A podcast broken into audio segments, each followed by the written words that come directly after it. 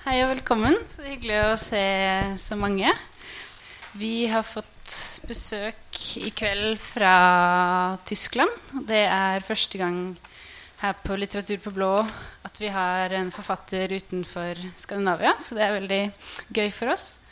Han som sitter ved siden av vår forfatter Judith Herman, er eh, Oliver Møystad, og han skal være tolk i kveld.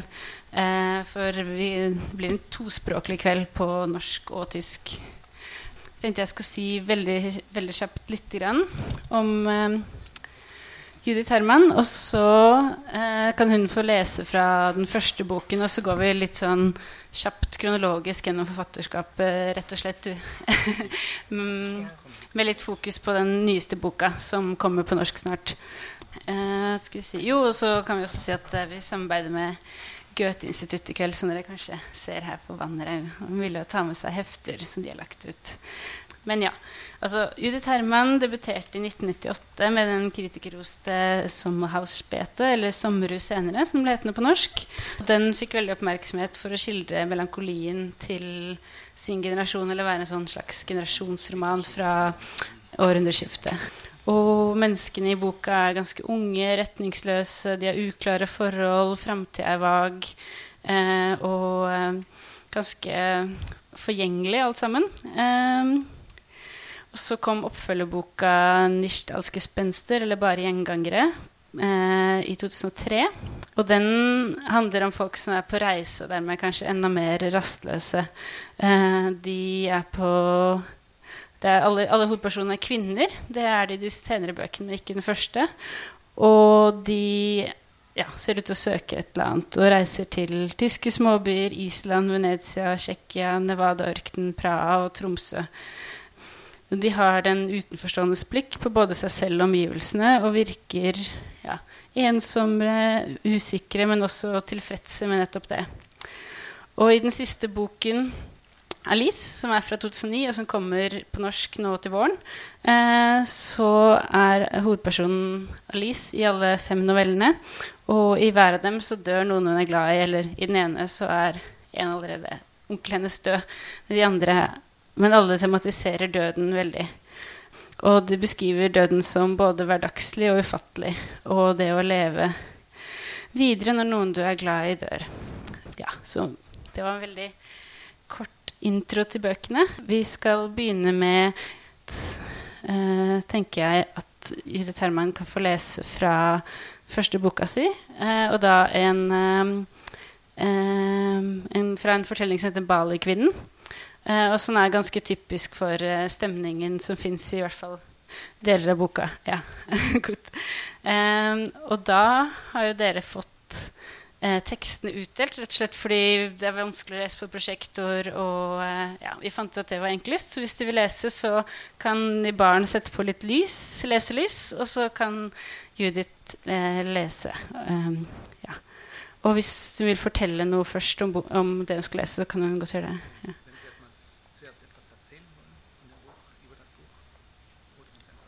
Ich will, guten Tag. Ich möchte einfach lesen.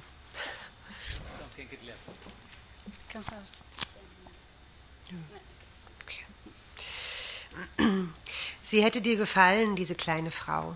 Sie war so unantastbar, wie du es immer geliebt hast. Sie war ganz fern und man konnte sie betrachten und sich Geschichten über sie ausdenken. Sie sah verletzlich aus und schön. Sie hatte ganz winzige Füße und sie war so unwirklich in diesem Foyer auf diesen Marmorplatten unter dem Licht des Kronleuchters. Christiane verließ die Tanzfläche und ging an die Bar. Der Regisseur stellte sich neben sie, er sah seine Frau nicht an, er sah Christiane an, die bestellte ein großes Glas Whisky. Die kleine Frau tanzte weiter und ich wusste, dass der Stein unter ihren Füßen sehr kalt war. Markus Werner sah mich an und sagte, wollen wir uns unterhalten? Ich sagte, nein. Er stand auf und ging weg. Ich trank weiter, für mich. Es wurde sehr spät. Ich konnte den Schnee sehen hinter den großen Scheiben, dicke, sacht fallende Flocken. Irgendwann torkelte Markus Werner zwischen den Säulen herum. Er war völlig betrunken und hatte, weiß der Himmel woher, ein Megafon in den Händen. Er schrie durch das Megafon immer dasselbe. Ich konnte nicht ein Wort verstehen. Ich lehnte meinen Kopf an das Treppengeländer und beobachtete ihn. Ich dachte daran, dass ich ihn noch nie am Tag gesehen hatte, und ich fragte mich, ob ich mehr über ihn wissen wollte, als dass er im Winter diesen Pelzmantel und im Sommer die orangenen Jacken der Müllmänner trug. Er ging dreimal in der Woche mit mir und Christiane aus. Ich mochte ihn, hätte ich je von ihm gesprochen, ich hätte tatsächlich gesagt, ein Freund. Nahm ich ihn ernst? Nahm er mich ernst? Wollte er etwas, wenn er sich mit mir unterhalten wollte? Worüber denn? Ich erinnerte mich daran, dass er einmal sehr kindlich gesagt hatte, ich könnte einen Film machen über uns. Ich hatte gesagt, was sollte das für ein Film werden? Er hatte geantwortet, ein Film darüber, dass gar nichts ist, dass es nichts mehr gibt, nichts zwischen uns und nichts um uns herum, nur so eine Nacht mit dir und mir und Christiana. Und ich hatte wirklich abfällig gelacht. Ich beobachtete ihn, er war viel zu jung, er war bekokst und besoffen, er brüllte in sein Megafon, dass ihm die Halsschlagader anschwoll und die Leute gingen ihm aus dem Weg. Er tat mir leid, und ich dachte, dass ich ihn nie, nie mehr wiedersehen wollte. Ich unterdrückte den Impuls aufzustehen, zu ihm hinüberzugehen, ihm dieses Megafon wegzunehmen und ihn zu küssen. Auf dem Stern in der Mitte der Tanzfläche hockte ein Mädchen und schlug immerzu den Kopf auf den Boden, ihre Stirn war blutig und sie weinte und redete wirres Zeug. Das Buffet war leer. Auf dem roten großen Sofa vögelte eine Schauspielerin mit einem Bühnenarbeiter, der Bühnenarbeiter schwitzte, und auf dem Rücken seines T-Shirts, an dem die Schauspielerin wie verzweifelt riss, war Mike Tyson abgebildet, der Holyfield ins Ohr biss. Die kleine Frau war weg, der Regisseur war weg, Christiane war weg. Es schneite noch immer und irgendjemand warf Gläser an die Wand, zwei unwirkliche Krüppel in Rollstühlen fuhren über die Tanzfläche und verschwanden hinter den Säulen. Die Schauspielerin zog sich den Rock runter, stolperte auf die kleine Bühne und sagte für Baby in ein übersteuertes Mikrofon hinein. Sie sagte für Baby, für Baby, dann fiel sie hin. Ich schloss die Augen. Ich hörte Markus Werner, ich verstand ihn noch immer nicht. Ich schlief ein, ich wachte wieder auf, weil Christiane vor mir stand und mich am Arm riss. Sie sah noch immer aus wie vor Stunden, wie in der Wohnung, auf der Straße, im Taxi. Sie sah so winterlich aus, so kühl, so kalt, ihr Mund frostig und schmal. Sie schüttelte mich und sagte, steh auf, wir müssen los, wir gehen noch wohin, wo ist der Werner, was machst du hier überhaupt? Sie sagte das nicht schnell und fahrig, sondern sehr ruhig und konzentriert. Ich richtete mich auf und hielt sie fest. Ich sah ihr in die Augen, ihre Augen waren eisblau. Ich sagte, Christiane, wie steht es denn? Und sie sah mich an und sagte, beschissen. Es steht beschissen. Aber wir fahren da jetzt trotzdem hin. Bist du neidisch? Ein ganz klein wenig. Ein bisschen gespannt und aufgeregt, wohin denn, wohin gehen die denn jetzt? Du wärst nach Hause gegangen. Nein, du bist nicht neidisch, bist es nie gewesen. Wir suchten Markus Werner und fanden ihn auf der Toilette. Er stand vor dem Waschbecken, spülte sich irgendwas von seinen Plastikhandschuhen und aus einer Kabine klang eine weinerliche Mädchenstimme, die Was ist denn? Warum hörst du denn jetzt auf? Ich verstehe das alles nicht, sagte. Christiane verzog angewidert das Gesicht, trat die Kabinentür mit dem linken Fuß zu und Markus Werner drehte sich um und sagte viel zu leise Muss das so sein? Sie wartet, sagte Christiane, sie wartet und wir müssen jetzt los, sofort. Und Markus Werner sah plötzlich hilflos und überfordert aus und sagte bittend, wer wartet? Wer wartet denn? Christiane schon auf dem Flur drehte sich gereizt noch einmal um und schrie dann, die Bali-Frau, die Bali-Frau wartet. Ja. ja, tusen takk. Tusen takk. Um, mitt første spørsmål går vel på Denne boka er beskrevet som Eh, et konsentrat av din generasjon eh, sin rastløshet ved årtusenskiftet. Men det begynner å bli en stund siden 1998 nå. Um, ville du skrevet den samme boka igjen? Eller ville du skrevet dette nå? Eller er stemningen en annen i dag?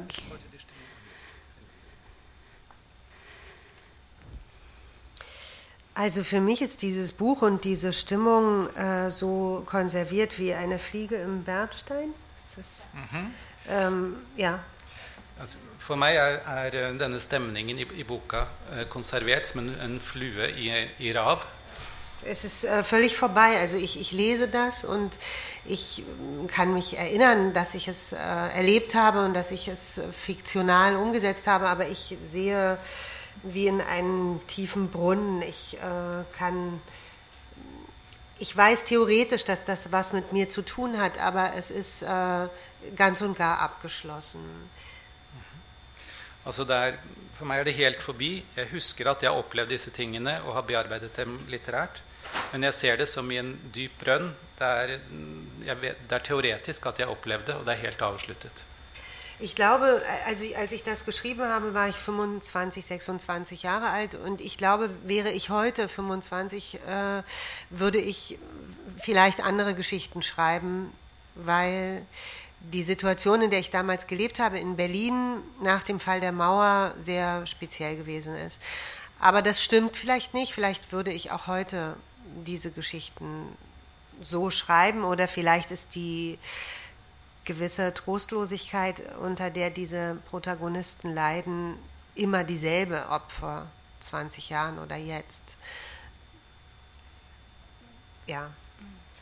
Um, jeg skrev historiene da jeg var 25-26 år gammel. Um, i dag, Hvis jeg hadde vært 25-26 i dag, ville jeg nok ha skrevet andre historier. Um, de var skrevet en spesiell tid, i Berlin etter murens fall. og det var en annen tid.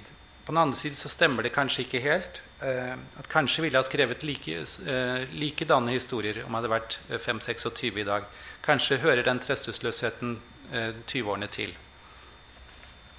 Ja, um, men jeg tenker på Var, eh, var tiden mer um, Hva heter det uh, mindre bekymringer da? Altså Europa er jo uh, i endring nå Eller det, Ja, altså uh, Uh, ja, altså Pga. finanskrisen og sånn, så tenker jeg at uh, om, man, om man nå liksom bare kunne feste, sånn som de gjør i boka uh, Vielleicht, ja. Es gab damals diese große Internet-Kommunikationsmöglichkeit noch nicht. nicht? Mhm. Es gab die große, diese Globalisierungswelle war noch nicht losgerollt. Ich glaube, so ein Wort wie Europa, äh, Finanzkrise. Ich kann mich nicht erinnern, dass ich das gehört hätte zu dieser Zeit, für mich vernommen hätte in diesem kleinen Raum, in dem ich war mit Markus Werner und der Bali-Frau und Christiane. Also ich glaube, wir durften sehr egozentriert äh, leben und uns um nichts anderes kümmern als um uns und unsere alltäglichen Befindlichkeiten, aber vielleicht tun die Leute das heute trotzdem. Sie wissen, dass das Leben schwer ist, tun sie es trotzdem. Ich weiß es nicht. Mhm. Um, ja, kanskje. Um, altså Den gang fantes jo ikke Det var før Internett. Uh, den globaliseringen fantes ikke på samme måten. Uh, jeg kan ikke huske at, vi, at begrepet Europa finanskrise eksisterte. Jeg hørte ikke det. I hvert fall ikke det lille rommet som jeg befant, befant meg i med disse menneskene. Uh, jeg tror man hadde lov til å være egosentrisk, egosentrert og eh, holde på med sine egne ting. På den annen side, og ikke bry oss om andre ting enn oss selv. På den annen side gjør folk kanskje det samme i dag, at de befinner seg i sine, sine små rom. Es gab sehr viele äh, Lehrstellen, es gab sehr viele leere Räume. Ähm, wir hatten alle kein Telefon zum Beispiel ja, in Ostberlin. Und wir sind, äh, man ist losgegangen und man hat jemanden besucht. Entweder er war da oder er war nicht da. Wenn er nicht da war, wusste man nicht, wo er ist. Ja, also es gab auch keine Möglichkeit, man konnte ihn nicht anrufen, man konnte nicht bei Facebook gucken, was er gerade macht oder äh, es gab eine sehr gegenwartsbezogene Möglichkeit der Kommunikation oder keine. Und dazwischen waren leere Räume, man konnte sich auch gut verstecken. Das finde ich schön, es erscheint mir in Erinnerung schön gewesen zu sein und ich bedauere, dass das heute nicht mehr möglich hm. ist. Um, altså, den gang så fantes det mye frirom, eller tomme rom. Uh, man hadde f.eks. en gang i Øst-Berlin ikke telefon. Uh, man gikk på besøk til folk. Hvis de var der, så var de der. Hvis ikke, så visste man ikke hvor de var. Uh, sånn at man hadde en mye mer samtidig kommunikasjon. Eh, og, sam, eh, og imellom det så kunne man, kunne man gjemme seg eh, i disse frirommene. Eh, og jeg husker dette som, som fint. Um, og jeg tenker også at eh, i alle bøkene dine, det gjelder ikke bare den første, så er det som om vi blir kjent med en del av karakterene, men alltid gjennom blikket til hovedpersonen. Så hovedpersonen blir vi ikke særlig kjent med, for vedkommende er en betrakter eh, som ikke vil fortelle mye om seg selv, bare om andre. Og, eller hva hun ser. Det er som regel kvinner. Det er noen menn i den første. Eh, og hvorfor gjør du det på den måten?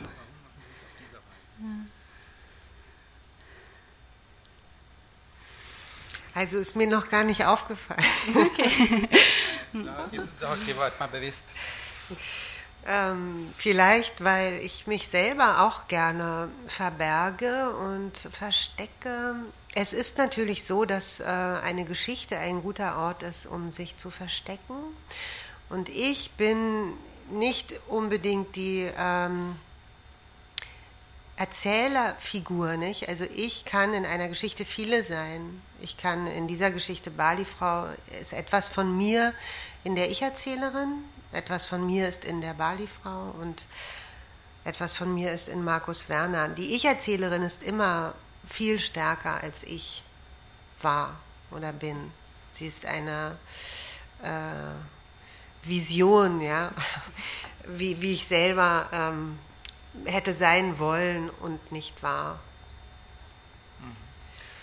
Det er kanskje fordi eh, jeg også er en som gjemmer meg selv. Eh, en historie er et godt sted å gjemme seg. Eh, og jeg kan være mange forskjellige, eller forskjellige Det kan være elementer av meg i forskjellige av personene i historiene. Det er noe av meg i Bali-kvinnen, det er noe av meg i de andre. Men de jeg forteller om, er mye sterkere enn jeg selv er. Det er en, en visjon, slik jeg gjerne skulle være, kanskje. Ja, um, og en annen ting som jeg tenker på når jeg leser det, er at man får uh, um, inntrykk av at alt, uh, at alt er forbigående. At det er et slags hovedtema i boka, og også i Nishtas gespenste, uh, eller bare gjengangere. At, uh, ja, at ting tar slutt. Vennskap, forhold, der man er. Uh, på, Er du enig i at det er et hovedtema, og hva er det du vil si med det? Um. Also ich glaube, ich empfinde das, es ist, ich würde nicht sagen sein Hauptthema, aber ich würde sagen, ich empfinde äh, das Leben oft so, dass, dass diese Dinge alle vorübergehen, Freundschaften auch, Begegnungen, Beziehungen. Aber das Schreiben äh, beinhaltet die große Möglichkeit, also auch das große Glück, äh, all das trotzdem festzuhalten, nicht? Also ich habe keine Botschaft, ich habe aber das Bedürfnis, äh, Dinge festzuhalten. Und in den Geschichten sind so kleine Augenblicke, die mir wichtig gewesen sind, äh, drin aufgehoben.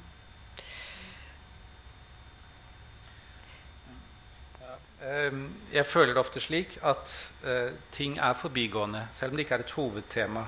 Men møter, forhold, uh, også vennskap, er forbigående. Uh, men skriving gjør at man kan fastholde ting. også den store lykken og de små tingene som, som er viktige. Er det en Antwort? Altså, ja. ja. ja. Bra svar. Um, jeg lurer på Jeg har litt lyst til å snakke kanskje mest om de senere bøkene, så kanskje vi allerede går over til eh, bare gjengangere. Og skal vi begynne med å lese fra, fra den der? Ja. Og da kan jeg si at eh, den bare gjengangere den handler altså om reiser, og en av dem går da til Norge. Og jeg tenkte lenge på, jeg jeg som får velge hva hun skal lese, jeg bare forteller henne det. Og hun tenkte lenge på om vi skulle ta Norgehistorien eller om ikke. Men så den har et sånt skjønt eller fint eh, utenforstående blikk på folk, og da er det veldig gøy med å få det rettet mot oss. Så jeg har bedt henne lese fra en fest i Tromsø.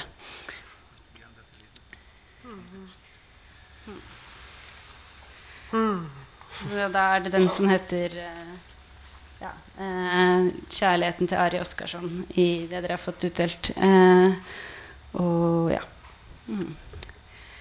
Eh, Solmet von, eh, altså, burde du fortelle noe om forhistorien? Eh. Nö. Nee, okay. da, da gehen wir hin. Tromsø. Es ist schwierig, also man kann eine Kurzgeschichte, es, es macht keinen Sinn zu sagen, was in dieser Kurzgeschichte vorher und nachher passiert, weil eine Kurzgeschichte ja immer, äh, also finde ich, ein Ausschnitt aus etwas ist. Wenn es ein Roman wäre, würde ich vielleicht etwas sagen, aber es ist keiner. Du sier Det har ingen mening å, å, si hva som skjer før og etter i en novelle, for at en novelle er i seg selv et utsnitt av noe. Hadde det vært en roman, hadde det vært noe annet. At man kunne fortelle om handlingen. Okay. okay. Am Samstagabend, dem siebenten Abend, gingen wir zusammen aus. Wir zogen uns im Flur unsere Mäntel an und verließen das Haus. Als ich auf die kalte nächtliche Straße trat, hatte ich das Gefühl, seit Monaten nicht mehr an der Luft gewesen zu sein. Ich dachte daran, dass wir an diesem Abend um diese Zeit eigentlich schon fast wieder zu Hause hätten sein sollen oder zumindest jetzt auf dem Flughafen in Oslo angekommen wären. Ich war heilfroh darüber, dass wir beschlossen hatten zu bleiben.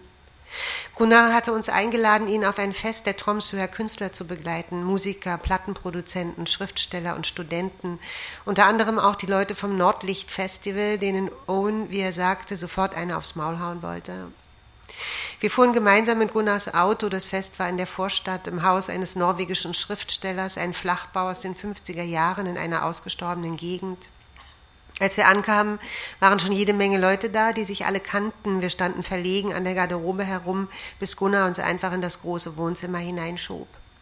Ich sagte leise, niemandem vorstellen bitte, erst recht nicht jemandem vom Nordlichtfestival vorstellen. Gunnar lachte darüber und sagte, das wird sich nicht vermeiden lassen. Die Partygäste sahen so aus, wie ich mir norwegische Partygäste vorgestellt hätte, warm angezogen, angetrunken und mit erhitzten Gesichtern. Der Gastgeber schien keinen Wert darauf zu legen, jedem einzelnen Gast die Hand zu schütteln. Ich fragte Gunnar mehrmals, wo er sei, und Gunnar sagte immer nicht zu sehen. Auf einem langen Tisch standen Bier- und Weinflaschen, komische Chips und Schüsseln voller Salsa. Im Kamin brannte ein Feuer. Um den Kamin hatten sich die spezielleren der Tromsøer Künstler versammelt. Eine Gruppe exzentrisch aussehender Leute, die sich von den anderen deutlich distanzierten. Ich lehnte mich an eine Wand neben der Tür. Caroline brachte mir ein Glas Wein. Ich hatte das Gefühl, dass ich hier niemals jemanden kennenlernen würde, wenn sie sich neben mich stellte. Sie stellte sich neben mich. Martin sah sich unverhohlen nach den Schwulen um und hatte sie innerhalb von fünf Minuten alle ausfindig gemacht. Owen sprengte mit bemerkenswertem Selbstbewusstsein die Gruppe am Kamin und begann sich mit einer großen Frau zu unterhalten, die in ein Bärenfell gehüllt war. Caroline lächelte mich an. Sie lächelte mich an, wie sie mich morgens in der Küche anlächelte, wenn sie auf ihre besonnene Art den Tee zubereitete und ich im Geiste meine erste Frage an sie formulierte Wann hast du eigentlich angefangen, Germanistik zu studieren? Aber das hier war nicht die Küche vom Gunnarshus. Das hier war eine ziemlich langweilige und lahme Party in der norwegischen Provinz und dennoch wurde ich unruhig. Ich stellte mein Glas Wein ab, ich wollte nichts trinken. Martin unterhielt sich mit einem Jungen, der aussah wie ein englischer Internatsschüler. Er flüsterte dem Jungen etwas ins Ohr, woraufhin dieser tief errötete. Owen berührte das Bärenfell dieser großen Frau. Die große Frau zog Owen die Mütze vom Kopf. Nichts passierte. Caroline sagte etwas und ich hörte Martin auflachen auf eine völlig neue Art. Am Kamin stand ein kleiner Mann. Er hatte abstehende Ohren und einen angedeuteten Irokesen. Er sah polnisch aus. Er sah ziemlich schön aus. Er sah so aus, als würde ihn das, was sich außerhalb dieses Kreises am Kamin abspielte, in keinster Weise interessieren, und dafür mochte ich ihn nicht. Gunnar kam herüber und stellte uns einem Verleger vor, der, wie er sagte, gerade sehr erfolgreich ein Buch über Yoga für Kleinkinder verlegt hatte. Ich wusste nicht, was ich sagen sollte. Aber Caroline fiel was ein und schließlich fragte sie den Verleger nach dem Yoga-Buch und der Verleger ging anstandslos dazu über, die Yoga-Übungen zu präsentieren, die Schlange, das Nashorn, den Bären und die Katze. Mhm. Beim Fisch ging er zu Boden und krümmte sich auf dem Rücken liegend um unsere Füße herum. Owen blickte vom Kamin aus zu uns herüber. Ich sah zurück und riss meine Augen so weit wie möglich auf, da drehte er sich wieder weg. Der kleine Mann zündete sich eine Zigarre an. Der Verleger stand vom Boden auf, klopfte sich den Staub von den Hosen und sagte, finden Sie es nicht etwas einsam in unserem Tromsø? Sein Deutsch war so fehlerfrei, dass ich nicht die geringste Lust hatte, ihn zu fragen, wo er das gelernt hatte. Ich sah ihn an. Ich holte Luft und sagte, ich mag gerade diese Einsamkeit ganz gerne. Ich war kurz davor zu kapitulieren und dieses Gespräch zu führen und ein weiteres und ein letztes über kulinarische Spezialitäten und die Mitsommersonne in Norwegen und dann eben wieder nach Hause zu gehen. Ich hatte zu lange in diesem Zimmer auf dem Bett herumgelegen. Ich hatte ein gekränktes Heimweh. Ich war kurz davor, einfach aufzugeben. Und in genau diesem Moment nahm der kleine Mann mit dem Irokesenhaarschnitt meinen Arm und zog mich dreist einfach aus dem Kreis heraus. Er schüttelte mir die Hand so derart lange, dass ich schon wünschte, er würde nie mehr damit aufhören. Und dann sagte er, ich fahre nach Paris, ja? Nach Tokio, Lissabon, Bern, Amsterdam. Er hatte einen fürchterlichen Akzent und schien nicht zu verstehen, was er aussprach. Er kicherte. Er ließ meine Hand los, er sagte seinen Namen, Ari Oskarsson, und ich sagte Nice to meet you, mir war komisch zumute, und ich sah mich, sah mich wieder nach Owen um, der meinen Blick schon erwartete und jetzt die Augen verdrehte ja, so weit einfach. Okay. Ja. Es geht immer so weiter. Ich, äh, ich war nie in Tromsø. Ich äh, bin auch heute zum ersten Mal in Norwegen. Also es ist eine sehr, äh, wie soll ich sagen, kindliche Vorstellung gewesen damals. Also eine barnlig Vorstellung Tromsø. Vom Leben in Norwegen. Og liv i Norge. Mm. Det er ganske passende, syns jeg. Eh, men, ja. Men jeg lurte litt på navnet til De møter et par, Ari og Sika. Skal de være norske? Eh. Also es war so, ich kann das ganz ehrlich sagen, es war so, dass diese Geschichte ihre Wurzel sozusagen, also ihren Ursprung in Island hatte. Ich habe eine Zeit lang in Island gelebt und ähm, es ist eine Geschichte in diesem Buch, eine isländische Geschichte diese Ari Oskarsson-Geschichte ist die zweite isländische Geschichte, aber sie konnte nicht auch in Island spielen. Äh, zweimal Island in äh, zwei Kurzgeschichten in einem Band war zu viel. Ich brauchte aber einen Ort, wo ein äh, Nordlicht vorkommt. Und dann habe ich geguckt, wo auf der Welt gibt es Nordlichter, außer in äh, Island. Und dann habe ich Tromsø gefunden und gelesen, dass es dort ein Nordlicht-Festival gibt jedes Jahr. Und dann habe ich gedacht, dann erzähle ich die Geschichte in Tromsø und ich stelle mir Tromsø einfach vor. Später haben mir Leute gesagt, es sei überhaupt nicht so, wie ich es beschrieben habe. Das tut mir leid. eh, altså Røttene til historien eh, er egentlig fra Island. Eh, men det er allerede en annen islandshistorie i boken så som syntes at eh, to historier i ett bind kunne ikke finne sted på Island. Så hun slo opp i Atlas for å finne ut, opp, for å finne ut hvor det ellers fantes nordlys i verden, og fant Tromsø. Og hørte da også at det fantes en nordlysfestival i Tromsø, sånn at hun la handlingen dit. Og dette er da ganske enkelt hvordan hun forestilte seg Tromsø, og siden har hun fått høre at det slett ikke er slik. Der beklagere. Es war, es war trotzdem ein Sehnsuchtsort. Also ich habe es nicht nur genommen, weil es dort Nordlichter gab, sondern auch, weil es so hoch oben äh, gen Norden liegt und weil es schön klingt und weil es äh, für mich äh, etwas zu tun hatte mit einer Sehnsucht nach solchen Orten. Men det er likevel et sted hun, hun kan føle lengsel til. Eh, et sted som er så langt inn mot nord, og, og det lyder fint. Det er et sted ja, som man kan lengte til. Und trotzdem möchte ich heute nicht mehr hin. Men i dag vil jeg, vil jeg ikke dit. ja. Okay. Um, ja. Jeg tenkte egentlig at uh, beskrev ikke byen så mye at man, ikke, at man fikk følelsen at det ikke stemte, egentlig. Det var, Sie haben die Stadt nicht so viel beschrieben, dass man den Eindruck bekommen hat, mm. Men eh, jeg kan liksom spørre litt generelt om boka, så er det, det er reiselitteratur. Det eh, eh, Alle novellene handler om å reise. Jeg lurer på hva du får ut av, av den tilstanden. Eh.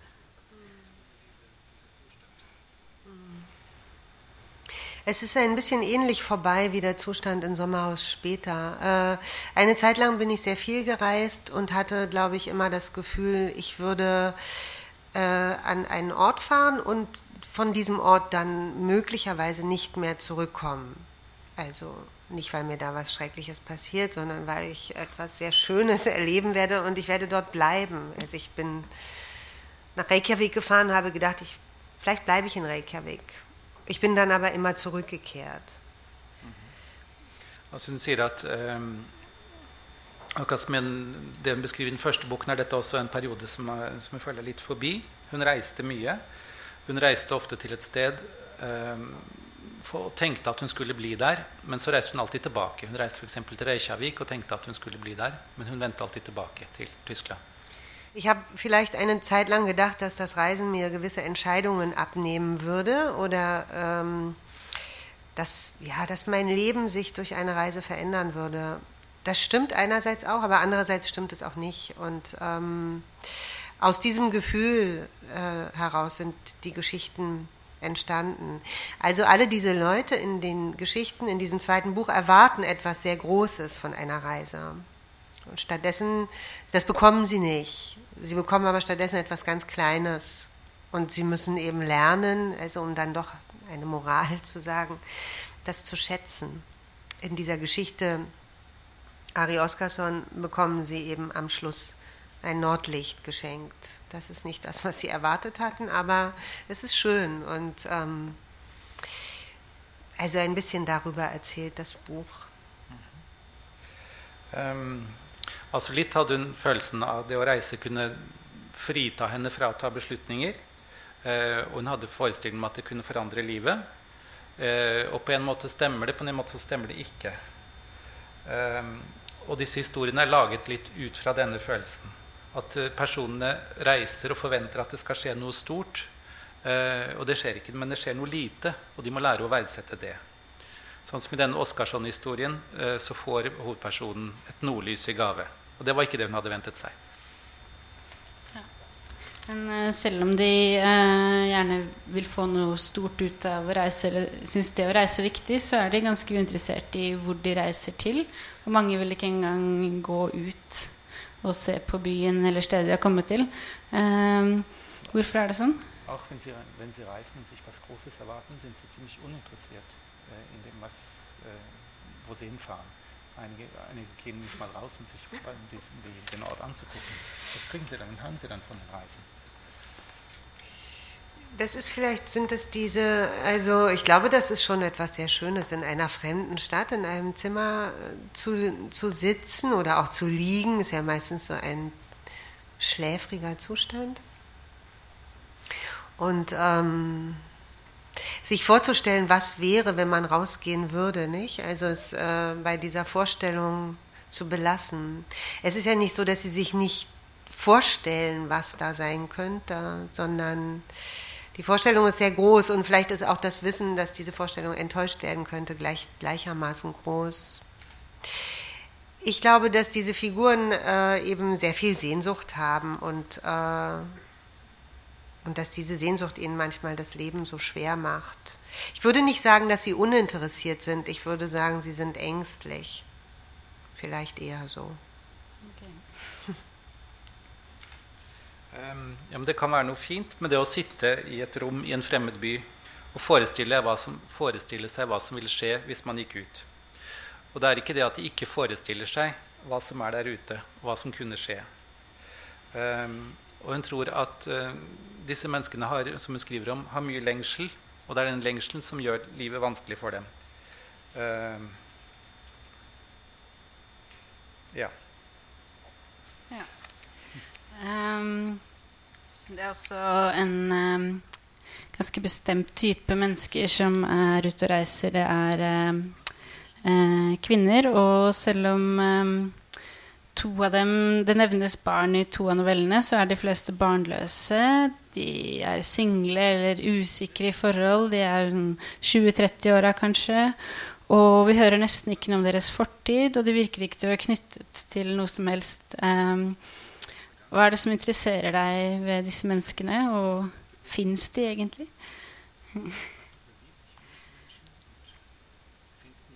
ja.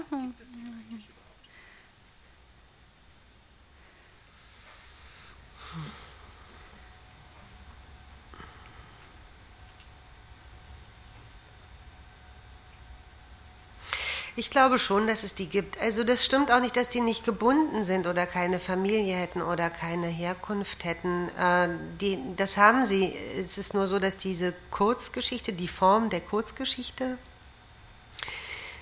eine Leerstelle lässt und der Leser selber muss die äh, füllen, nicht? Also es wäre Aufgabe des Lesers, des geneigten Lesers, ähm, sich zu überlegen, woher kommen diese Figuren, was könnten die für eine familiäre Herkunft haben, welche Bindungen könnten sie eingegangen sein, ähm, was, was hält sie so zusammen.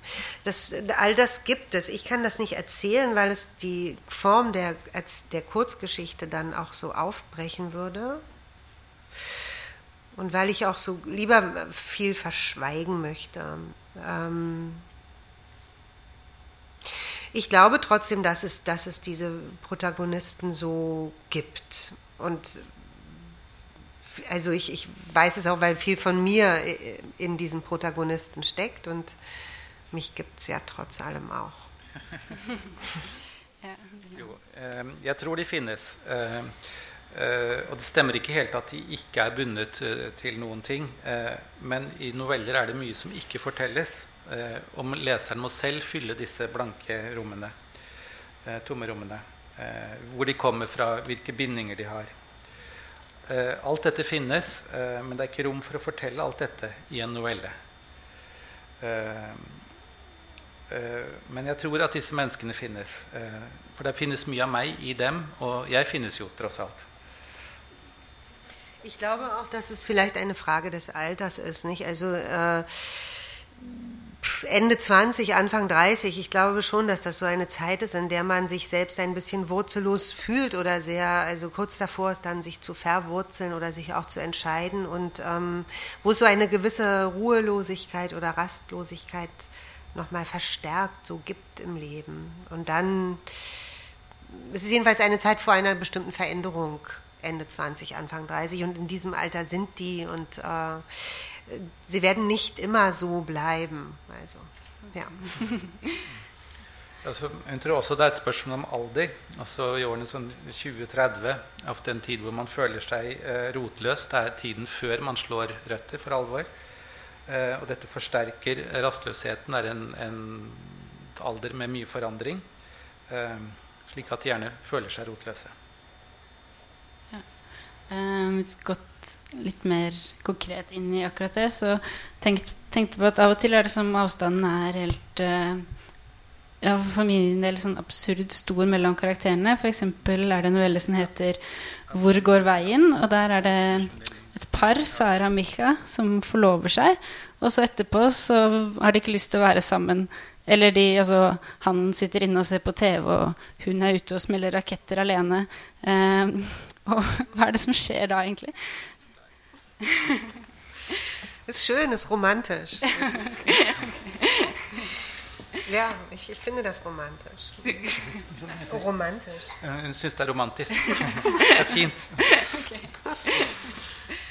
Okay, um, jeg tenker i, i, samme novelle så er det uh, Så tematiseres dette med at når man er i et nytt forhold med noen, så snakker man mye om fortiden og tidligere forhold. Um, og man på en måte Samtidig så har man litt Man har på disse følelsene av at man kan se for seg at også det forholdet en gang kan bli en historie man forteller andre. Og på en annen side så snakker man Eller man tenker mye på at dette kan vare, da, hvis man er veldig forelsket. Um, og i den novellen så er det en som heter Jakob, som sier til hovedpersonen at han regner med at de blir gamle sammen, mens hun tror det blir slutt, og sier at alle historier har en slutt. Um, Uh, lurer jeg på, hva Mener du det? Har alle historier en slutt? Og hvis ja, er det en kynisk tanke, eller er det trist, eller er det beroligende, rett og slett?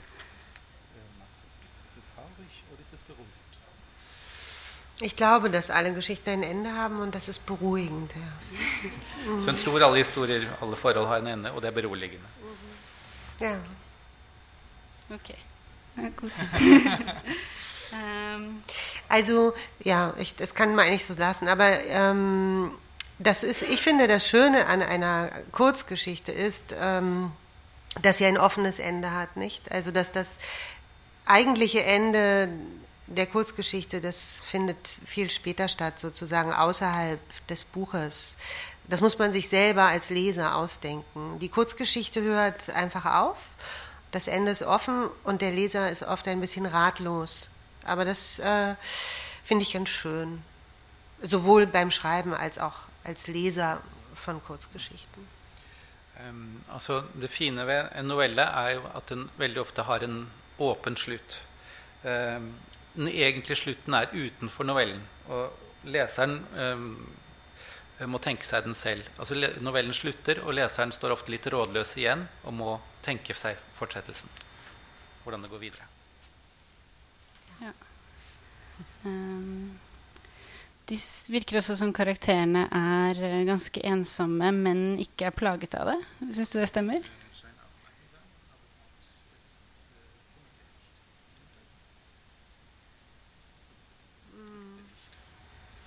Ja, also ich weiß nicht, wir sagen im Deutschen äh, gibt es einsam, es gibt zwischen im Norwegischen auch einsam und oder alleine.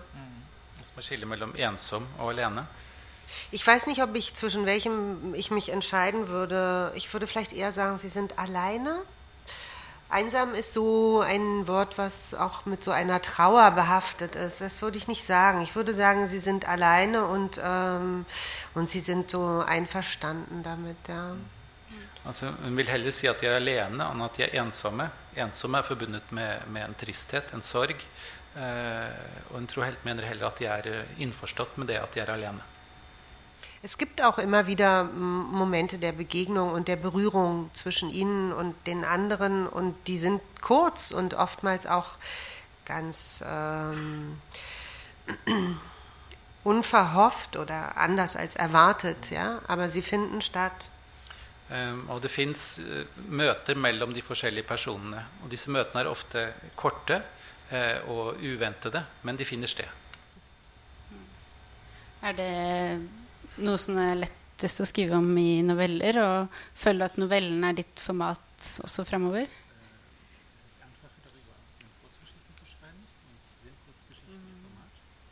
Ich glaube, es ist einfacher, darüber in Kurzgeschichten zu schreiben, ja, weil es ist ja also so ein ganz kleiner Ausschnitt nur, also ein, eine, eine Momentaufnahme, nicht wie eine Fotografie von Befindlichkeit oder so. Das hat sicherlich ist es besser aufgehoben in einer Kurzgeschichte. Es ist der bessere Raum dafür. Ein Roman ist dafür zu lang. Und äh, weil es das ist, was mich interessiert am Schreiben, ist wahrscheinlich auch die Kurzgeschichte mein Genre oder ja. Um, ja, disse tingene er lettere å beskrive i noveller. For at, um, novellen er et lite utsnitt, et øyeblikksopptak, en slags stemningsfotografi. Uh, en roman er for lang til det. Uh, fordi det er dette som interesserer meg ved å skrive, så er nok novellen mitt format. Um, da kan vi kanskje gå videre til uh, Alice.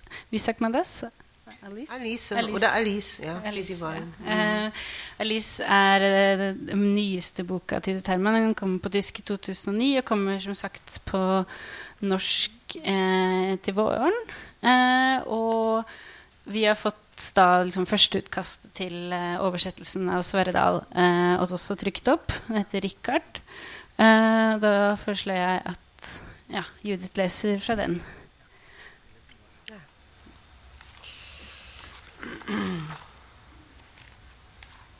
Ähm, ich habe das hier, ist okay. Mhm. Die Pfingstrosen, genau. Mhm. Achso, das lasse ich. Ja, genau. genau. Ja, okay. Die Pfingstrosen in der Milchflasche waren verblüht, standen aber noch aus, auf dem Fensterbrett. Ja, genau. Auf dem Tisch ein blaues Tuch mit weißem Rand, eine Flasche Wasser, ein Aschenbecher, ein aufgeschlagenes Adressbuch und darauf das Telefon, ein Briefblock, Stifte, Streichhölzer, eine Lesebrille. Margaret holte zwei Gläser aus der Küche, leerte den Aschenbecher aus. Sie setzte sich auf den Platz, auf dem vor zwei Wochen Richard gesessen hatte, auf den Platz vor den Büchern, in den Schutz der Bücher, ihrer Rücken, ihrer tröstlichen, vertrauten Titel. Wer würde eigentlich diese tausend Bücher lesen, wenn Richard sie nicht mehr brauchte? Das waren genau die Fragen, für die Alice sich schämte und die sie trotzdem dachte.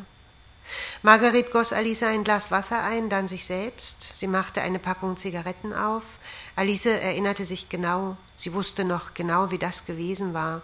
Das zarte Ziehen am Bändchen der Zellophanfolie, dann das knisternde Silberpapier, das Zupfen an der ersten Zigarette.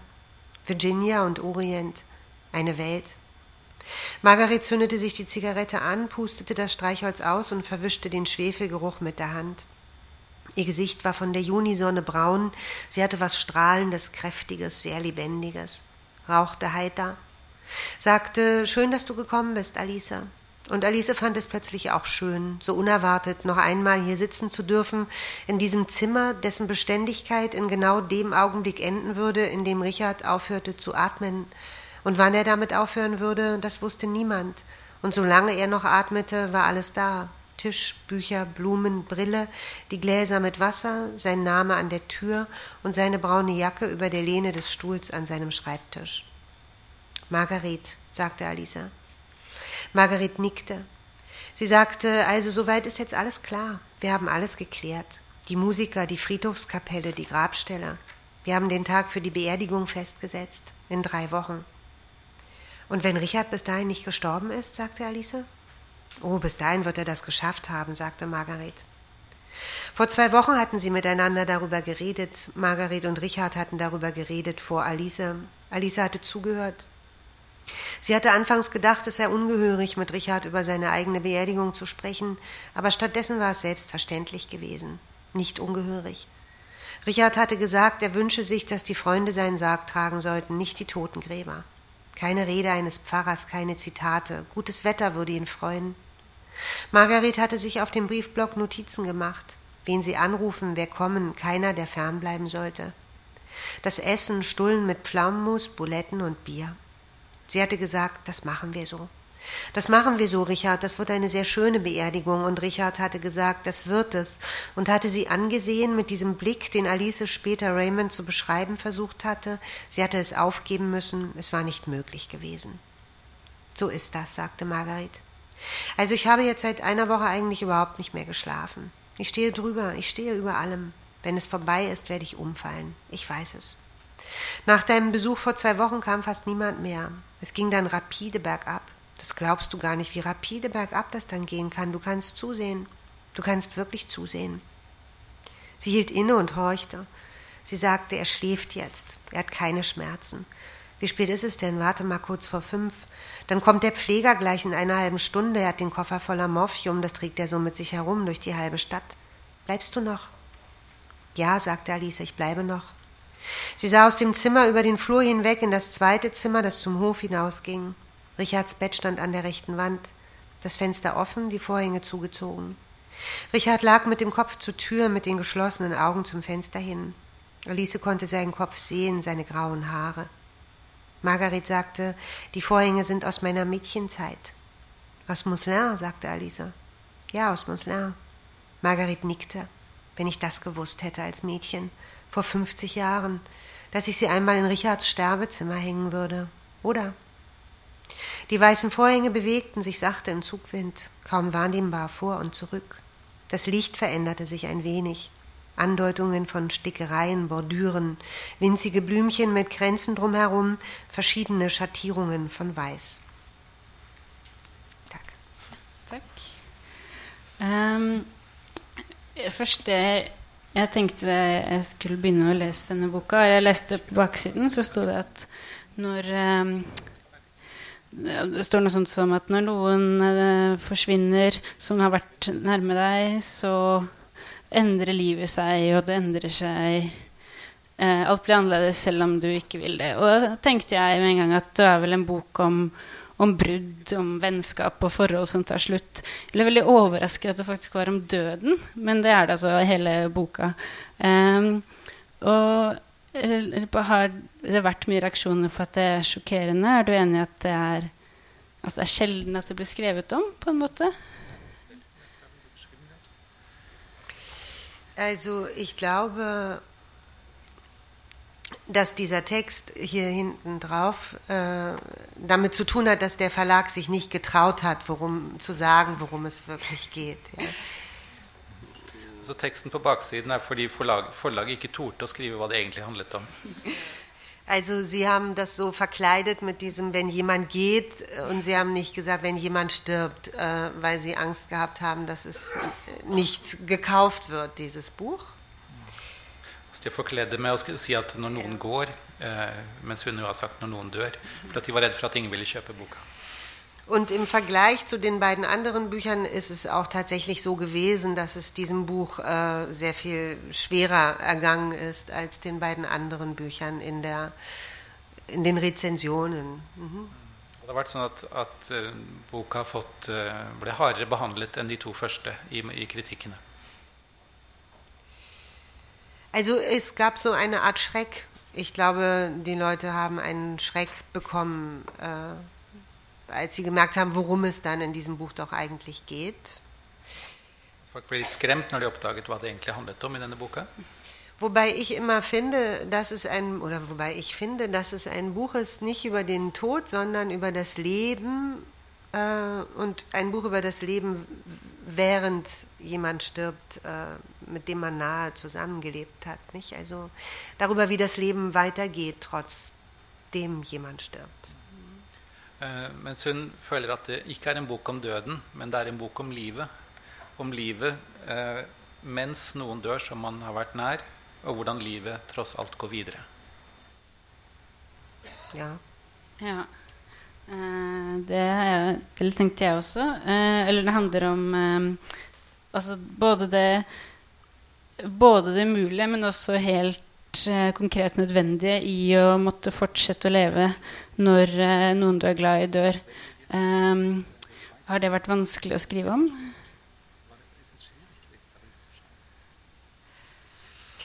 Ja, es ist ein bisschen schwierig gewesen, sich zu entscheiden, also da, darüber zu schreiben. Ich habe mich äh, eigentlich auch davor gefürchtet, darüber zu schreiben und ähm, ich, ich habe so gezögert. Ich habe auf eine bestimmte Weise gezögert. Aber als ich angefangen habe und als es mich, äh, als ich im, im, Buch selber wirklich so drin war, war es nicht mehr schwierig. Überhaupt nicht. Mhm. Um, jo, det var en vanskelig bok å bestemme seg for å skrive. Uh, hun var litt redd for det, og hun nølte. Men da hun først begynte og var i gang, uh, så, var det, så, var det ingen, så var det en lett bok å skrive. Uh, jeg har sett at den har blitt mottatt litt som Og det er kanskje ikke så overraskende at nå har eh, endelig disse festkarakterene dine blitt voksne og skjønt livets alvor. At det ikke bare handler om å drikke og ta dop, men at folk faktisk dør og, og så, ja. Um, har du tenkt på det selv, eller føler du det er en urettferdig eh, beskrivelse? Ich habe das nicht gedacht, aber ich habe im Nachhinein gedacht, es ist ein bisschen wie eine Trilogie. Also die drei Bücher gehören schon zusammen und, äh, und es ist sicherlich, sind es die Protagonisten aus Sommerhaus später und nichts als Gespenster, denen jetzt in diesem Buch ein gewisser Ernst zuteil wird, ja die einen gewissen Ernst so erfahren, also oder eine bestimmte Endgültigkeit nicht von Entscheidungen. Es ist ein Buch über Brüche in einer Freundschaft, aber über aber dieser Bruch findet auf einer ganz anderen Ebene statt. Jeg hadde ikke tenkt i utgangspunktet, men jeg ser jo på bøkene som en, som en slags trilogi. De hører sammen, eh, og det er riktig at eh, hovedpersonene er blitt mer alvorlige, de har fått mer endelighet i livene sine. Eh, og det handler jo om, om brudd, brudd i vennskap, men på en annen måte. Ja. Um, jeg likte også når jeg leste i en anmeldelse, jeg tror det var i Decite, um, hvor det sto at det ikke egentlig er du som er blitt uh, alvorlig ved å skrive om døden, men at det er døden som må tilpasse seg deg eller din skrivestil. Uh, at ditt tema alltid er noe litt uh, forgangent, forbigående, urolig og usikkert. Og at det også passer Eller at ja, din skrivestil er så sterk at en kan skrive om det både om fest og om uh, døden.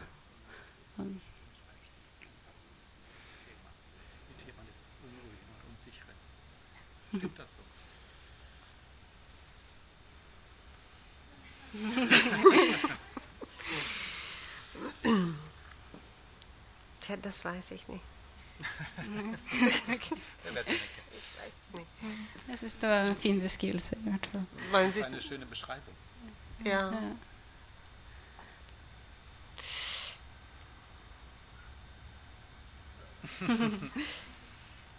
Men ja eh, En annen ting jeg tenkte på i boka, er Det er jo også eh, fem menn som dør. Eh, og alle er i livet til hovedpersonen Alice. Men det er jo selvfølgelig bare Eller ikke selvfølgelig, men en av dem er gift med henne. De andre er venner, da. Eh, og tenkt på dette med at det føltes som et i, I tillegg til døden så var det liksom et ekstra fremmed tema at man skriver om disse hvordan det er når en venn som egentlig er gift med en annen, og som du ikke er så nær, men likevel ganske nær, osv., eh, dør, da, og, og du må masse besøke og passe på folk som man har kanskje et litt eh, udefinert forhold til. Eh,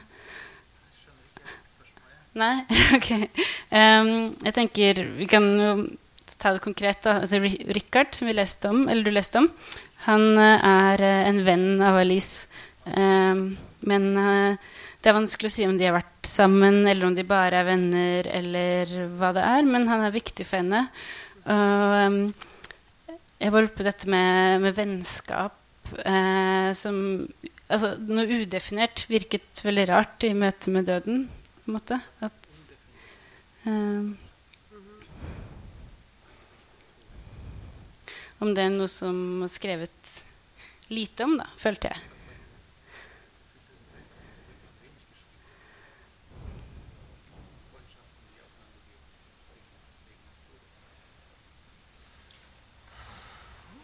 Ich, ähm, ich bin nicht sicher, ob ich die Frage richtig verstanden habe, aber ich. Äh, ähm, also es, ich weiß, ich weiß sehr wohl, ähm, ich weiß sehr viel über die Freundschaft zwischen Alice und Richard oder Alice und Konrad oder Alice und Micha. Ich weiß sozusagen also eigentlich alles über diese Freundschaft, aber ich möchte nur einen ganz kleinen Teil erzählen. Ich möchte ganz viel von dieser Freundschaft, ich möchte nicht erzählen, wie lange die sich kannten oder wie, wie eng die zusammen gewesen sind oder wo sie sich kennengelernt haben. All diese Details will ich nicht sagen. Ich will nur diese sehr gegenwärtige Zeit erzählen. Aber ich wünsche mir trotzdem, dass du als Leser ähm, dir selber ausdenkst, was für eine Freundschaft das gewesen sein mag. Ja, oder wie fest oder wie lange diese Freundschaft gedauert hat. Also, dass der Leser diese leeren Stellen mit seinen eigenen Erinnerungen und seinen eigenen Freundschaften füllt.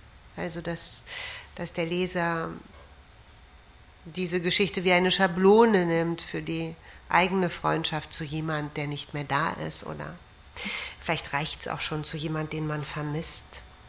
Ähm, ja.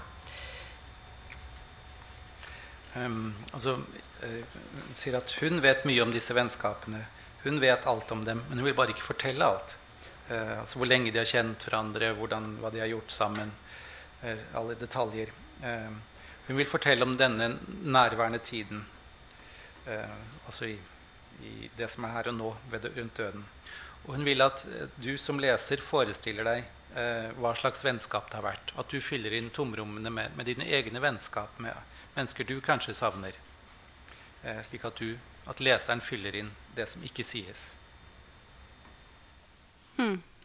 Um, det står også på baksiden av boka at eller hvis vi leser dem som dør, da, så står det at eh, alt endrer seg eh, når noen dør.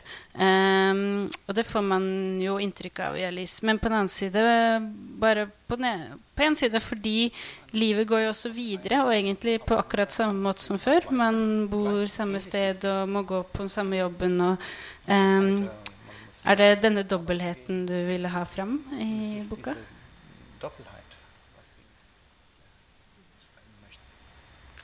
Also es ist genau so, es ändert sich einerseits alles und es ändert sich überhaupt gar nichts. Nicht? Und dazwischen äh, gibt es zumindest für eine Zeit einen ganz komischen kleinen Raum. Und in diesem Raum haben die Alltagsgegenstände plötzlich eine sehr große Bedeutung, eine sehr große Leuchtkraft fast eigentlich. Also es geht alles weg, aber ein Glas ist ein Glas und ein Buch ist ein Buch und ein Tisch ist ein Tisch. Und das hilft mir nicht weiter, aber es ist trotzdem, es ist so. Und äh, ich glaube, ich habe versucht, so diese, die, über diesen komischen kleinen Raum zwischen dem alles bleibt, wie es ist und alles verändert sich total, darüber etwas zu schreiben. Um, jo, det er jo sånn at på den ene siden endrer alt seg. På den andre siden er det ingenting som endrer seg. Uh, og i en, en, periode så er det jo slik at det oppstår et, et spesielt lite rom uh, hvor hverdagsgjenstandene får uh, stor betydning. De blir nærmest lysende. Altså et, et, glass er et glass, en bok er en bok, et bord er et bord. disse tingene hjelper en ikke videre, men, men de blir tydeligere. Eh, og denne tilstanden, dette lille rommet, er det hun forsøker å beskrive. Eh, jeg leste også at du sa i et intervju at døden ikke er eh, et tabu, men likevel ikke et tema i samfunnet. og lurer på Syns du det i så fall er dumt? Burde vi snakke mer om døden?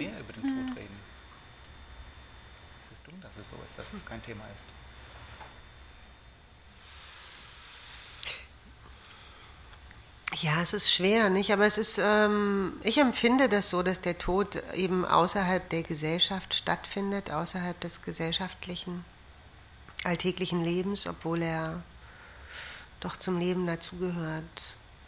Und ähm, wahrscheinlich wäre es besser, das zu ändern. Ich weiß aber auch nicht, wie, wie das ähm, geschehen soll.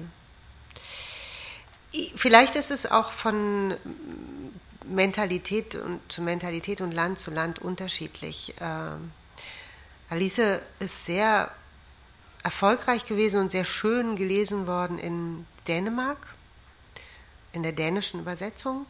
Und da haben mir Journalisten mehrfach gesagt, äh, die Deutschen hätten ein schweres Verhältnis zum Tod. Also darüber war ich ganz erstaunt. Aber ich habe es mir gemerkt, vielleicht haben Sie recht gehabt und ich bin gespannt zu sehen, wie das norwegische Verhältnis zum Tod sein wird. Ja. Mm. Ja, hun sier at uh, hun har følelsen av at døden finner sted utenfor samfunnet, utenfor hverdagslivet, selv om det er en del av hverdagen. Uh, og det ville kanskje vært bra å forandre dette, uh, selv om hun ikke vet hvordan det skulle skje. Uh, og det har kanskje sammen at døden blir behandlet uh, forskjellig fra land til land og fra kultur til kultur. Uh, boken ble veldig fint mottatt og fint lest i Danmark. og hun ble veldig overrasket da, da danskene sa, noen sa til henne at tyskerne hadde et vanskelig forhold til døden. Det, det hadde hun ikke tenkt på. så hun er spent på hvordan boken blir oppfattet her i Norge. Hvordan vi oppfatter døden. Um, jeg tenkte egentlig vi kunne høre om noen i salen har noen spørsmål. Det er bare å spørre på norsk, som dere hører. Uh, så um, Som lurer på noe? kan litt tid. Um, ja.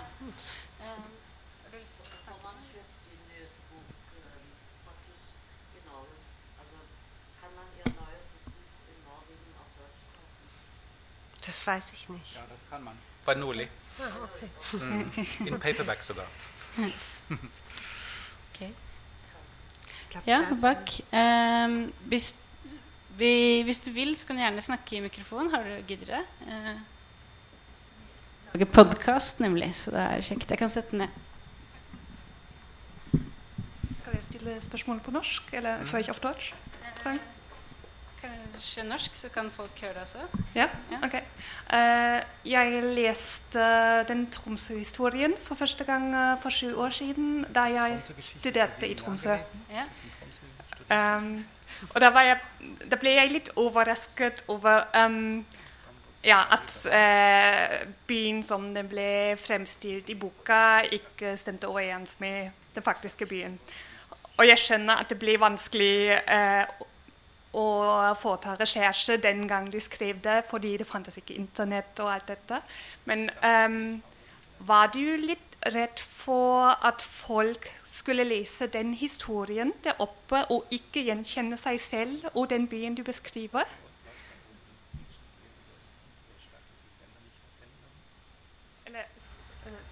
Du med, med folk som var i Tromsø, faktisk? Eller tok du bare den byen som eh, du fant eh, på atlas eller på kartet helt øverst i Norden, og tenkte ikke at folk kunne lese det der?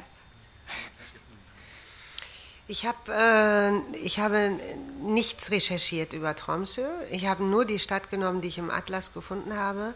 Und ich kann mich daran erinnern, ich habe Bilder gesehen über Tromsø und ich habe gesehen, wie schön Tromsø ist. Und ich kann mich aber erinnern an eine bestimmte Entschlossenheit und auch Befriedigung, mit der ich den Satz hingeschrieben habe, Tromsø war trostlos. Ich kann mich nicht erinnern, jemals eine so trostlose Stadt gesehen zu haben wie Tromsø.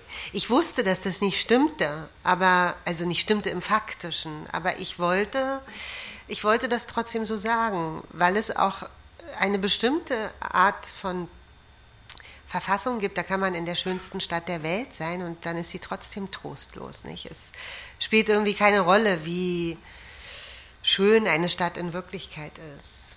Und ich habe nicht gedacht, dass die Leute in Tromsø das lesen könnten und ähm, sich ärgern könnten oder so. Ich habe gehofft, wenn sie es tun, dann werden sie es schon richtig verstehen. Also, ja.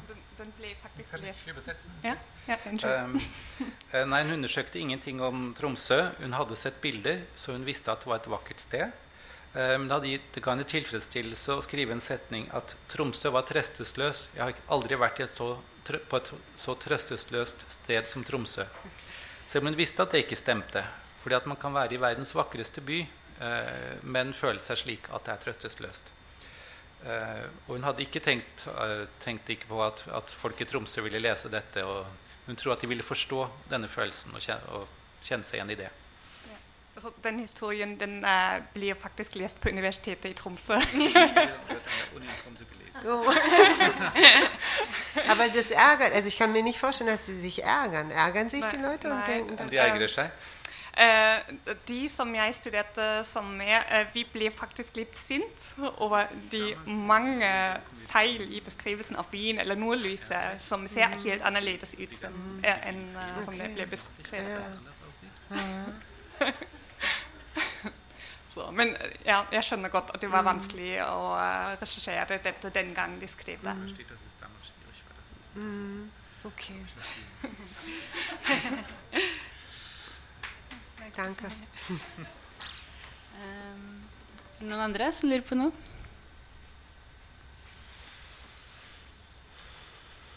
Ja? Det var å hoppe opp og spørre.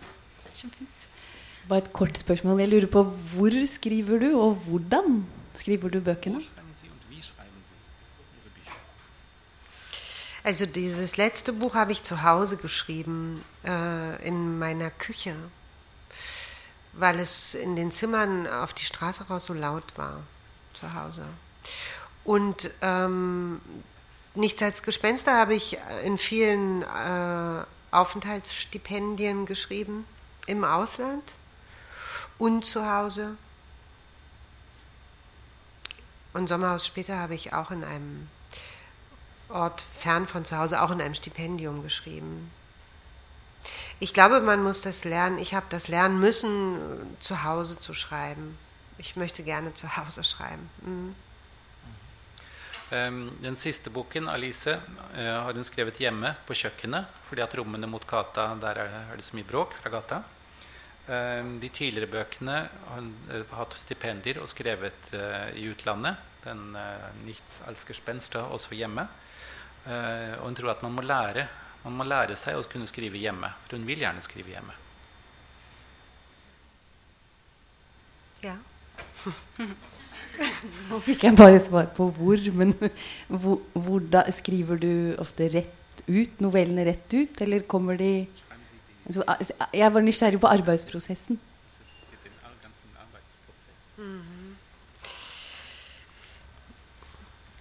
Also ich denke, ich denke ziemlich lange nach, wie, wie die Kurzgeschichte sein soll, bevor ich sie anfange zu schreiben. Ich möchte so viel wie möglich über die Geschichte wissen im Kopf, bevor ich sie anfange. Altså hun tenker lenge etter om eh, hvordan historiene skal være. Hun vil vite så mye om dem som mulig. Eh, altså vite i hodet før hun begynner å skrive. Es gibt für jede Geschichte so einen äh, sehr autobiografischen Kern. Das ist äh, ein, ein unauffälliger Moment im, in der Geschichte. Den weiß ich. Ich möchte eine Geschichte schreiben, um diesen einen kleinen Satz in, im Text verstecken zu können. Um, altså, de har ofte en selvbiografisk kjerne, et lite eh, synlig, et uvesentlig punkt i historien. Men hun bygger historien rundt denne setningen. Das ist eigentlich der Anfang der Geschichte und dann überlege ich die Geschichte im Kopf wie so in einer Rückwärtsbewegung an einen möglichen Anfang hin. Welchen Anfang könnte eine Geschichte haben, dass ich zu diesem Satz hinkomme? Dann brauche ich Personen, ich, Namen der, ich brauche die Namen der Figuren, ich brauche den Titel und ich brauche den ersten Satz. Also all diese Dinge muss ich haben. Es ist wie für eine Expedition. Und dann kann ich anfangen. Und äh, wenn es gut geht, schreibe ich eigentlich einen ersten äh, Entwurf ganz durch. Und dann bearbeite ich ihn aber und streiche vieles auch wieder raus. Ungefähr so.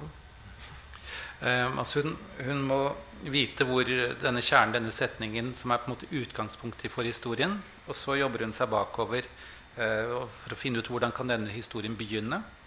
Eh, så må hun ha personer, hun må ha navn på dem, hun må ha tittel, og hun må ha den første setningen. Og dette er som en ekspedisjon for å, for å finne ut av historien. Eh, når hun først har dette, kan hun begynne. Og så skriver hun førsteutkastet rett igjennom. Og så jobber hun, videre, jobber hun mye med det, kutter og redigerer.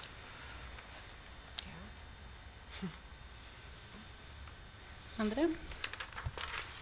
Ja, Katrine? Kommer helt opp.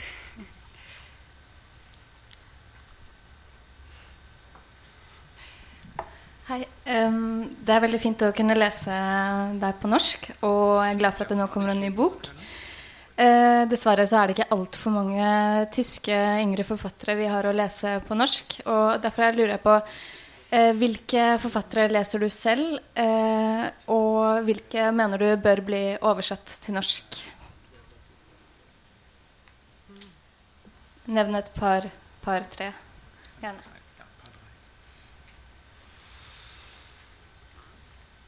Ähm, das ist ganz schwer. Ich lese wirklich sehr viel und trotzdem bringt mich diese Frage äh, in Verlegenheit, weil ich dann so aussuchen muss. Das ist schwierig. Ähm,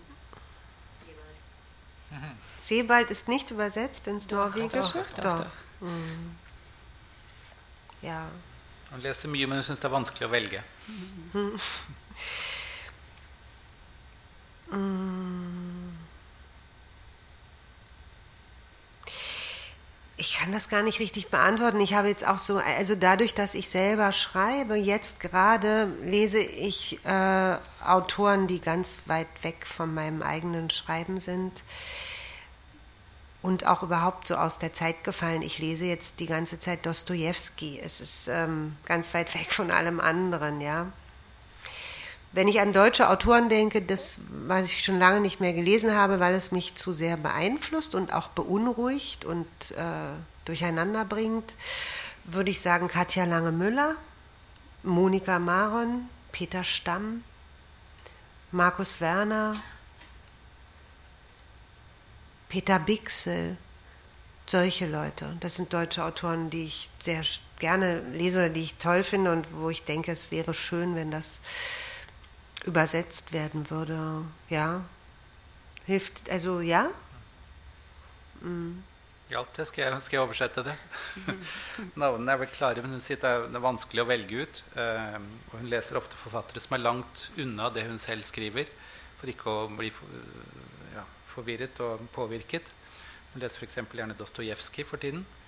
Eh, og så nevner hun da disse tyske forfatterne som hun syns er, er, er, gode, og som hun godt kunne tenke seg bør oversettes. Peter Stamm, mhm. ja genau. Ist übersetzt? Ja, das passt auch, finde ich. Mhm. Ja.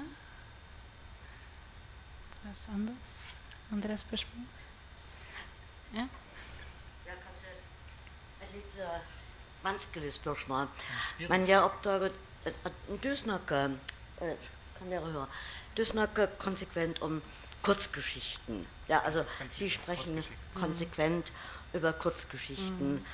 Äh, Sie sprechen über Novellen. Mhm. Für mich sind es zwei Paar. Äh, der, der ölige Ding. Wie, Novellen, ja. Eine Novelle ist etwas anderes als eine Kurzgeschichte. Ja, oppfatter Ikke på norsk. Ikke på norsk. Ja, norsk. Men, men akkurat derfor mitt spørsmål. Hvordan ville dere ähm, ähm, definiere Forskellen? Also, wie würden Sie den Unterschied zwischen Kurzgeschichte und Novelle definieren. Äh, äh, Judith Herrmann versteht Deutsch. Ikke sant? Altså, jeg spør henne hvordan ville hun se forskjellen mellom korthistorie og novelle? For jeg vet på tysk er det to ulike ting. Was ist er also, was mener, er Sie das ja, eller fortelling og novelle er to ganske forskjellige ting på tysk, men vi sier novelle om begge deler på norsk.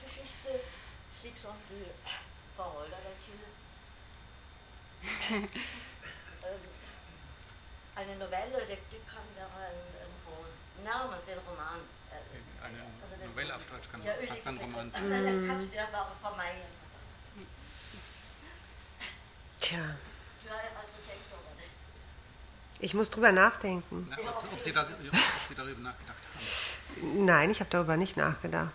Ich, ähm, nee, ich habe darüber nicht nachgedacht. Ich habe auch nur beim ersten Buch, äh, nur beim zweiten Buch deutlich gedacht, ich möchte jetzt Erzählungen schreiben. Beim ersten Buch und beim dritten Buch habe ich den Text entscheiden lassen, was er werden will, sozusagen. Mm. Also in andere boken har jeg tenkt på at hun ville skrive fortellinger. I den første og den siste har hun latt teksten bestemme hva den skulle bli, det den ville bli.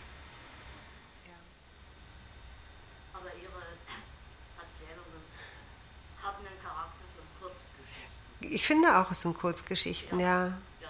Sie sprechen ja auch immer von Kurzgeschichten. Genau. Aber, ja. aber Novelle auch. Ja, men novelle på norsk er kurzgeschichte. Jo. Jo. jo. det tror jeg ikke. Nei, nei, da er vi uenige. Ja.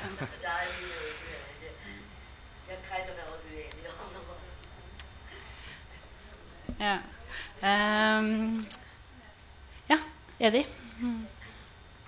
Det kanskje blør litt over i det et annet spørsmål, men jeg er spent på hvem, om du har noen litterær mor eller far på en måte som trenger ikke å være tyske, men som virkelig har inspirert deg til å skrive. Mhm. Also ein, ein Vorbild ist immer schwer zu sagen, weil ein Vorbild hieße so schreiben wollen wie jemand, nicht? Und das ähm, kann man, das kann ich nicht wollen, weil wenn ich einen Autor wirklich sehr liebe, dann ähm, weiß ich, dass ich nie so, also dann, dann kann ich, verehre ich ihn eben auch und dann kann ich nicht so schreiben, wie er schreibt. Aber das ist auch nicht die richtige Frage. Jeg mener ikke et forbilde som du vil skrive som, men kanskje noen bøker som du leste kanskje i ungdommen som, deg, som ga deg lyst til å bli forfatter? Bücher, die es vielleicht als jung gelesen haben, die mm. Lust gegeben haben, ja. Autorin zu werden? Ich kann mich nicht erinnern, dass ich ein Buch gelesen habe und gedacht habe, ich möchte, so möchte ich auch schreiben oder ich möchte schreiben. Das habe ich nie gedacht. Ich habe, also der Impuls zu schreiben, der kommt komischerweise nicht aus dem Lesen. Ich glaube, wenn ich wirklich mit Begeisterung lese, ist es eher so, dass ich denke, ich sollte aufhören zu schreiben, weil ich, ja. Altså, impulsen til å skrive har ikke kommet fra lesning. Det er heller sånn at eh, når hun leser, så har hun tenkt at jeg må slutte å skrive. Eh, så hun har aldri le lest en bok som, som, har at, eh, som, har gitt henne at hun har tenkt at jeg må skrive. Aber ich glaube, vielleicht weiß ich trotzdem, was du meinst. Und ähm, ich erinnere mich an ein mm, Initiationserlebnis mit, also so, ich, es gab ein Buch von Carson McCullers, äh, Frankie und in diesem Buch gibt es eine Szene, in der äh, ein Mädchen und ein Junge und eine farbige Köchin ein Gespräch über die Liebe führen in einer Küche in einem Haus in den Südstaaten. Und während sie dieses Gespräch über die Liebe führen, wird in einem Haus, einen Garten weiter, ein Klavier gestimmt. Und dieses schwierige Gespräch über die Liebe wird untermalt mit diesem Stimmen des Klaviers, das bleibt ja immer unvollständig. Wenn man ein Klavier stimmt, das gibt nie einen richtigen Akkord, es gibt immer nur diese Töne. Es ist eine wirklich tolle Stelle in einem ganz schönen Buch und ich ähm, kann mich daran erinnern, dass ich dachte, dass mich das äh, auf eine Weise glücklich macht, ja, das so zu lesen. Und dabei bin ich aber alleine. Und das, dieses Glück, das kann man nicht richtig teilen. Und wenn man schreibt, ist es ein bisschen ähnlich. Später dann habe ich manchmal beim Schreiben gedacht, jetzt bin ich gerade glücklich mit dieser einen Seite. Aber das kann ich auch mit niemandem teilen. Das ist irgendwie schade. Aber so ist es. Mhm. Ja, altså Hun beskriver en, en scene i en bok, uh, Carsten McCullers, mm -hmm. um, hvor en, en, gutt og en jente og en svart kokke Eh, I et sørstatskjøkken snakker om kjærligheten. Og i nabohagen så er det et piano som blir stemt. Eh, og det er liksom noe En piano som blir stemt, er jo noe ufullstendig. Og, det var et nydelig avsnitt i denne boka. Eh, og hun følte, mens hun leste den, følte hun en slags lykke. Altså Hun følte seg lykkelig og samtidig alene. Og det er en lykke man ikke helt kan dele. Og noe av det samme er det når man skriver, når, man skriver, når hun skriver en, et, et vellykket, en, en, side som fungerer, så er det en, en, en, lykke, en følelse man ikke helt kan dele med noen. Eh, ja, ok. mm. Sorry. Eh, da ble jeg veldig nysgjerrig også på hva som gjorde at du begynte å skrive. Mm. Das weiß ich wirklich nicht mehr. Ich weiß es wirklich nicht mehr. Hm. Dann wird die länger. Hm. Ich weiß, dass ich, äh, ich habe als eine Journalistin gearbeitet und ich äh, hätte mich damals entscheiden können, wirklich Journalistin zu sein, in einem Radiofest zu arbeiten. Da war ich Mitte 20. Es wäre eine Entscheidung gewesen für ein festgefügtes Berufsleben zunächst. Und davor hatte ich sehr große Angst, plötzlich und heftig äh, habe ich mich davor gefürchtet. Und äh, der Versuch, ein Buch zu schreiben, war wie ein Ausweg aus dieser, äh, dieser möglichen Sicherheit auch, die ich dann eben plötzlich nicht, nicht mehr wollte. Ich weiß, dass das der Anfang war. Aber wo die, also der, der, der äh, äußerliche Anfang. Aber wo der innere Impuls gelegen hat, das weiß ich, das weiß ich nicht. Mm. Altså Hun sier at hun jobbet som journalist. Hun var journalist i radio. og Da hun var sånn midt i 20-årene, så, så, kunne hun velge dette som yrkesvei og ha det eh, ja, som en profesjon. Eh, Eh, og hun var litt redd for det. Og kanskje ut fra denne angsten for å finne en vei vekk fra denne mulige sikkerheten, så begynte hun å skrive. Eh, men dette var noe ytre, så hvor den indre impulsen kom fra, som fikk henne til å skrive, det vet hun ikke.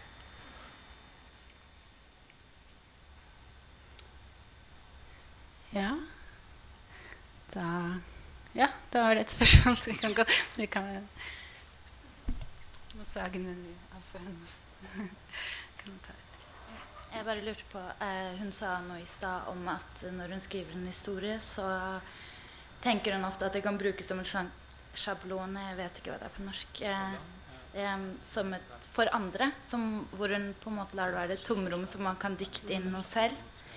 Og så lurer jeg på Den første boken ble jo veldig sånn en stemme for en generasjon og ble veldig sånn eh, Resensjonene var veldig At dette var en toneangivende bok for så veldig mange, og det var, var voldsomt populær. Veldig mange syns nettopp det at det ble et uttrykk for hva de selv følte. Hvordan var det for henne? Ble den, kan det nesten bli litt for mye? At, at det blir eh, At man på en måte behandler denne boken som en sånn At den blir så representativ for så veldig mange. Kan so sehr als, ein, als repräsentativ für, für zu viele, für eine Generation dargestellt wird. Fordi at det jo er en veldig biografisk kjerne i alle historier. es biografischen Kern hat. Var det litt overveldende, kanskje? Særlig den første boken. Ja, das war damals war das war es überwältigend, ja. Ich habe gedacht, äh, dass ich es hieß in Deutschland, dass es äh, die Stimme hier spräche, die Stimme einer Generation. Und ich kann mich daran erinnern, dass ich dachte, ich bin nicht die Stimme einer Generation. Und ich weiß auch überhaupt gar nicht, was meine Generation sein soll. Ich dachte, ich äh, habe über mich geschrieben und einen kleinen Kreis Menschen um mich herum. Das ist das, was ich weiß. Darüber hinaus weiß ich nichts. Und dass es für eine ganze Generation gelten sollte, hat mich äh, ja, verunsichert auch, glaube ich, ja. Mm. Jo, det var overveldende, for det, det ble sagt at dette var som du sier, eh, stemmen til en generasjon. Og hun tenkte at hun hadde skrevet om seg selv og en liten krets mennesker rundt seg selv, og at dette skulle være en hel generasjon, det, var, eh, gjorde henne også usikker.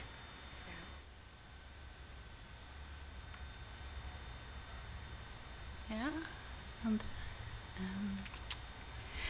Jeg kan si Jeg syns det er veldig fint at dere har stilt gode spørsmål i mikrofonen, for da kommer det med på podkasten som blir lagt på våre nettsider snart. Litteraturpablad.no. Da kan dere få høre kvelden en gang til.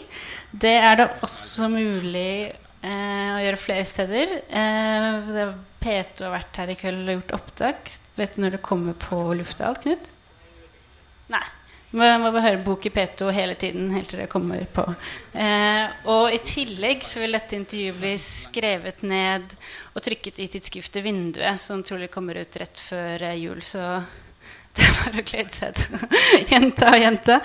Ehm, eh, jeg skal prøve å få med navnene på de forfatterne som Katrine spurte om. Det var spennende. Um, nest, vi har to ganger igjen her på Litteratur på blå. Neste uke så vi, skal det handle om tid hos Virginia Woolf. Rett og slett konkret tema. Uh, da kommer Woolf-forsker Siren Hole og holder et lite innlegg om det. Og etterpå skal hun snakke med Vigdis Hjort om Virginia Woolf og hvordan hun skriver om eh, tid i sine romaner. Som eh, hun kanskje har mestret bedre enn de fleste forfattere i historien.